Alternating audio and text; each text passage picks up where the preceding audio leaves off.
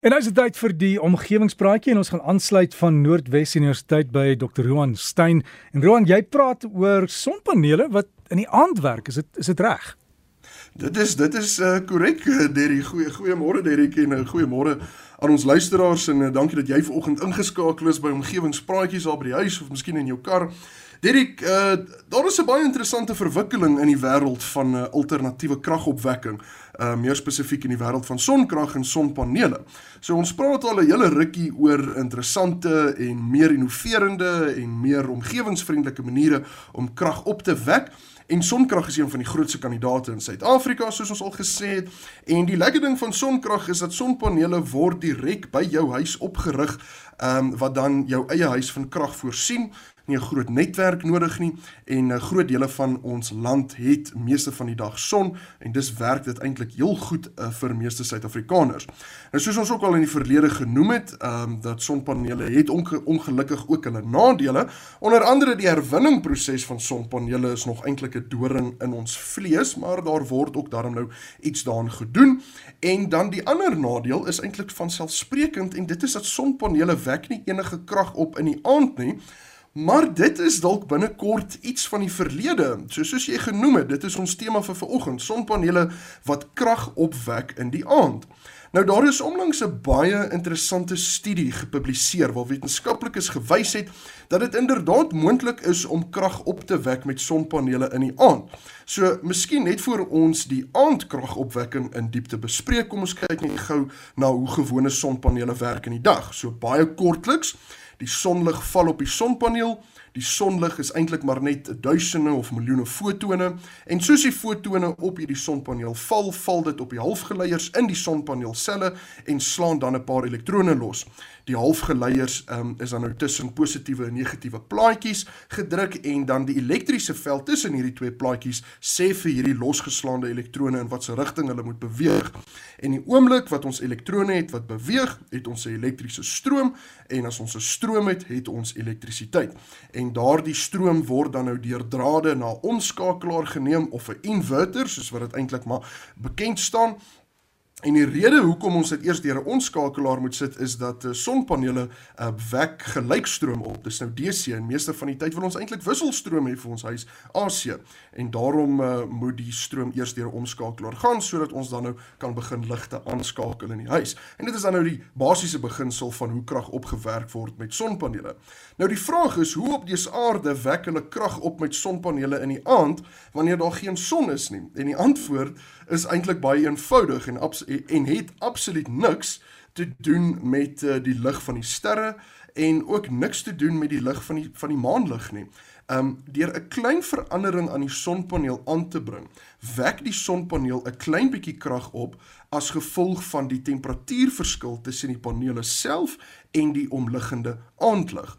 So wanneer 'n voorwerp snags boontoe na die lig gedraai is, soos in die geval eh, van sonpanele, straal dit hitte uit na die buitenste ruimte, wat beteken dat 'n voorwerp koeler kan word as die lugtemperatuur rondom daardie voorwerp. En um, daar is 'n baie ou stukkie fisika wat al in die 1800s gebruik is, waar enige temperatuurverskil gebruik kan word om 'n potensiaalverskil te veroorsaak en dus 'n elektriese stroom aan die gang te kry en dus elektrisiteit op te wek. Die effek uh, hierdie effek staan bekend as die Seebeck effek en die omgekeerde word ook baie gebruik waar 'n potensiaal verskil um 'n uh, potensiaal verskil na die tafel toe gebring word om dan 'n temperatuurverskil te veroorsaak en hierdie effek staan bekend as die Peltier effek. Nou gesamentlik verwys ons eintlik maar net daarna as die termoelektriese effek en die beginsel is dat as jy 'n temperatuurverskil het tussen twee areas of voorwerpe, dan kan jy elektrisiteit opwek. En dit is presies wat dan nou gedoen word met sonpanele. Die sonpanele verloor al hulle hitte in die aand. Die paneel self is dan koeler as die omgewing. Dit gee vir jou die temperatuurverskil wat jy nodig het om 'n klein bietjie elektrisiteit op te wek. Nou een van die nadele van hierdie proses is dat jy ongelukkig nie baie elektrisiteit gaan opwek nie. Uh onder ideale omstandighede het hierdie studie gewys dat die sonpaneel um, of een sonpaneel 'n maksimum van 50 watt um, kan opwek wat eintlik maar heelwat laer is as wat die sonpanele in die dag kan doen. Maar as jy dalk nou 10 sonpanele het, het jy dalk 500 watt om mee te werk in die aand. En dit is 10 teen 1 daarom genoeg om al die ligte in jou huis en 'n selfoonlaaier en selfs 'n plat snoetrekenaar um, aan die laai te hou sonder om enige van jou batterye te gebruik. En deur 'n klein veranderingkie wat aan die sonkragstelsel aangebring word en dit tap dan nou nog meer elektrisiteit uit die huidige stelsel wat geïnstalleer is.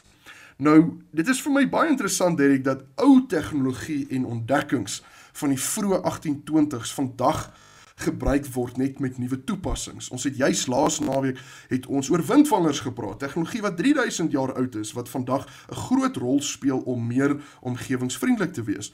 En uh, hierdie termoelektriese effek is 200 jaar oud en vandag word dit gebruik um, om nog meer stroom, meer elektrisiteit uit sonpanele te kry tydens die aand waar 'n mens eintlik nooit gedink het 'n sonpaneel sal van enige nut wees nie. Interessant ook genoeg en ek wil gou dit soos 'n kantlyn feit sommer net noem, hierdie tegnologie word ook al sedert die 1960s deur NASA gebruik om satelliete van krag te voorsien uh, waar die hemelruim ingeskiet word. Um ek dink spesifiek aan satelliete soos uh, Voyager 1 wat al 45 jaar um aan die gang bly en en en 3 biljoene kilometers uh, ver weg is. Uh, daar is 'n klein klein boksie um, op die satelliet met kernafval in en soos daardie radioaktiewe bron verval, verhit die vervallingsproses die boksie en net buite kan die satelliet het jy die ruimte wat maklik minus 270 grade Celsius kan wees en dis is daar 'n temperatuurverskil van amper 300 grade en daardie temperatuurverskil uh, veroorsaak dan 'n potensiaalverskil wat dan 'n stroom veroorsaak en die en en die, en die voorsien dan die hele satelliet van krag om die rekenaars en die instrumente aan die gang te hou. So ten slotte Derek, ek dink die, die hele wêreld is altyd op soek na nuwe en interessante en en innoverende, meer omgewingsvriendelike maniere om elektrisiteit mee op te wek en sonkrag doen baie baie goed in die Suid-Afrikaanse konteks en omgewings en uh, nou kan ons binnekort nog meer krag uit ons huidige sonpanele kry en uh, wie sou nou ooit kon raai dat dit tydens die nag sou wees. So ek sê vir jou baie dankie Derrick en uh, en uh, baie dankie luisteraars dat julle ingeskakel het. Ja, dankie Roan. Kan nie glo wat tegnologie kan doen nie.